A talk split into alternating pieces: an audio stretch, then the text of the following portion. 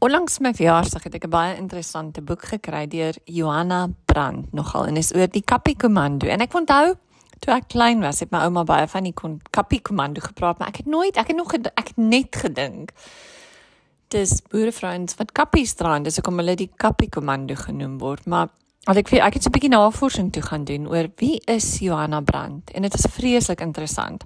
Die boek um, net om ook te noem is 'n oorspronklike boek, so dit was werklik so ou 'n boek vir my verjaarsdag en enigiemand wat weet ek hou vreeslik van boeke, maar ek het nogal gesukkel moet ek sê om die Afrikaans of die Afrikaans van daardie tyd te lees. So eerstens, wie is Johanna Brandt wat die Kappie Kommando geskryf het? So sy is op die 18de November 1876 in Heidelberg gebore en is eers in 1964 in Newlands in die Kaap um oorlede. En sy het baie sy was sy was spioen tydens die boereoorlog. Hulle het haar ook genoem 'n profeet en 'n skrywer oor kontroversiële gesondheids um wat noem dit? Subject onderwerp. So sy was soos ek gesê het sy haar haar ouers haar pa was 'n uh, pastoor en um en sy was die, die kind van die pastoor Nicolaas Jacobus van Warmelo ek wonder of dit dalk ja dit was hy was 'n NG dominee Um hy was sy was die kind van sy tweede vrou en um oorspronklik was is die pa ja, hy is uit die Nederlande gewees.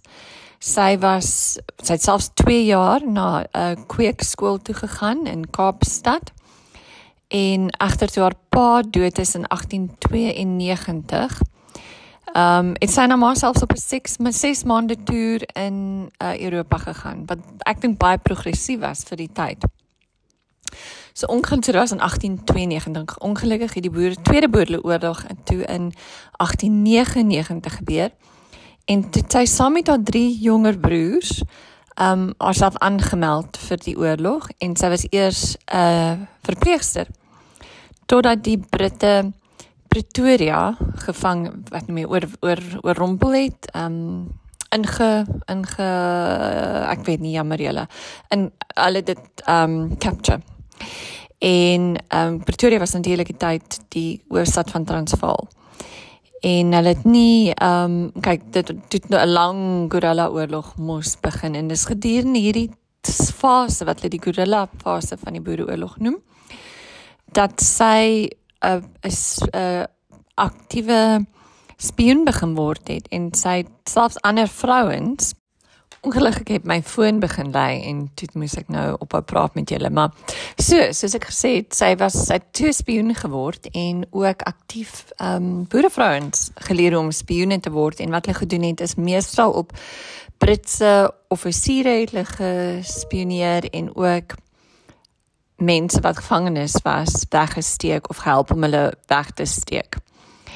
En toe het sy ook sy het ook begin skryf oor die die boereoorlog, veral oor een boek wat sy geskryf het of 'n lang artikel was oor die Irene konsentrasiekamp, maar haar, haar mees bekende boek was word genoem The Petticoat Commando, not the Copy Commando.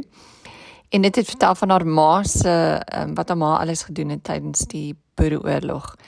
En ehm um, dit was nogal baie interessant. En die boek is ook aan haar ma toegewy. Ehm um, want haar ma wou regtig nie gehad het dat hierdie boek werklik geskryf moes word nie. So sy het ook ehm um, baie baie ander baie mense help om om regtig weg te kom. En nie gevange geneem te word nie. Toe gedurende die Eerste Wêreldoorlog het sy in politiek betrokke geraak en toe Engeland um uh, oorlog verklaar het teen Duitsland, um was daar ook verskeie boere uit boere offisiere wat um toe sommer na Suid-Afrika toe terug is en sy sy was 'n baie belangrike deel van die nasionale vroue party wat in die Transvaal gevorm was. So en die doel van hierdie nasionale vroue party was om um rebelle te um ondersteun en hulle families ook te ondersteun. So enigiemand wat teen die Engelse was, het hulle toe dit laat doen. Dit is vreeslik interessant om dit te lees. Nou hier begin ons nou 'n bietjie meer kontroversieel raak. Sy het ook um omtrent 20 pamflette geskryf oor sulke goed soos natuurlike um, medisyne vir 'n baie reeks van health ag wat ek nog sê health uh, gesondheidskwale. So een van haar goed was oor die die drywe kuur vir en sy het nogal in Engels geskryf, The Grape Cure and Fasting Book. En dit is nadat sy sy het glo die boek geskryf en sy het geglo sy het haarself van maagkanker gesond gemaak deur op hierdie grape cure drywe kuur van haar te gaan. Maar ek glo ook dat ehm um, die boek geïnspireer is deur iemand anders wat in die Kaap op die tyd ook baie oor drywe en hulle gesondheids ehm um, werkinge ge, gepraat het.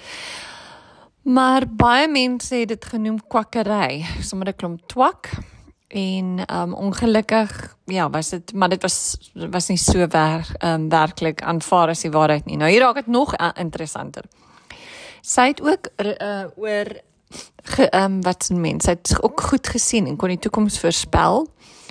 En sy het byvoorbeeld haar eie ma se dood gesien uh, op die 17de Desember 1917 en sy het ook 'n boek gepubliseer oor al haar voorspellings. En sy die boek The Millennium genoem en dit is in 1918 ge gepubliseer. En sy het ook um het ook werk soos uh, religieuse werke ge, gedoen en baie van dit was in Engels hoor. So Coming World Mother wat in 1936 gepubliseer is en dit was alles profeseë oor Suid-Afrika en so aan en so voort. So ek sal nou nie maar meer daaroor sê nie.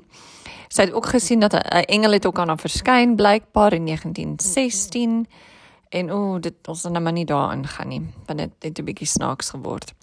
So, soos ek gesê het, sy het verskillende boeke geskryf. Een die eerste een in 1905 was het konsentrasiekamp van Arini.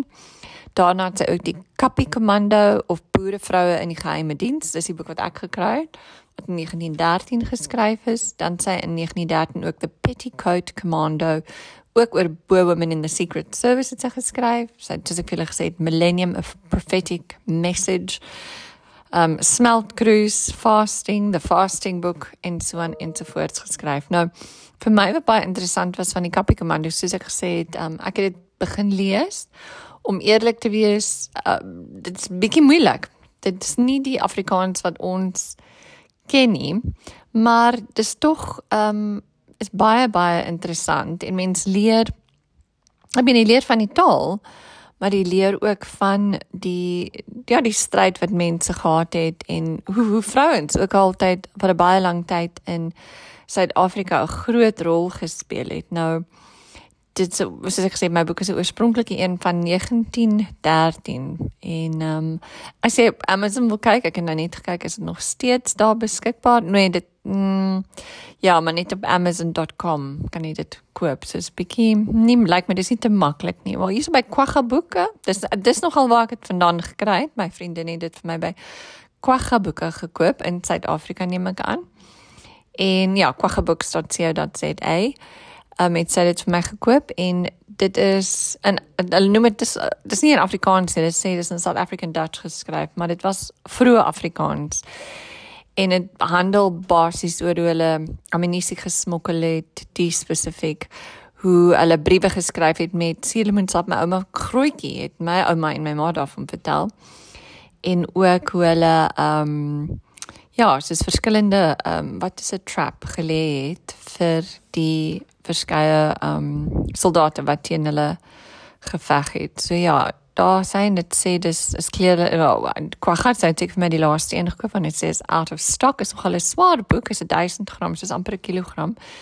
En is pragtig, dit is nog aan die ou, dis is net mooi. Um dit reik sommer oud. dit reik sommer soos 'n boek. So daar sê julle, hier is ons nou ietsie kort oor wat ek nie geweet het nie.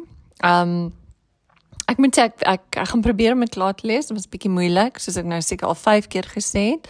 Maar wat my fascinerend was was toe ek oor Johanna Brand begin lees het en ek weet nie mens nie dink mens dink net nie so aan aan wat vrouens oor weet daai tyd al gedoen het nie, maar ek weet ons weet hulle was altyd die rug die ruggraat van so baie dinge en baie veranderinge in Suid-Afrika, vroue van alle rasse. Ehm um, en dit was baie interessant om ek kan sien hoe hulle met hulle kappies was hulle goeie spioene en ja Spioen is ook so 'n mooi woord. So daar sê julle vir vandag ietsie oor die Kappie Kommando en Johanna Brandt.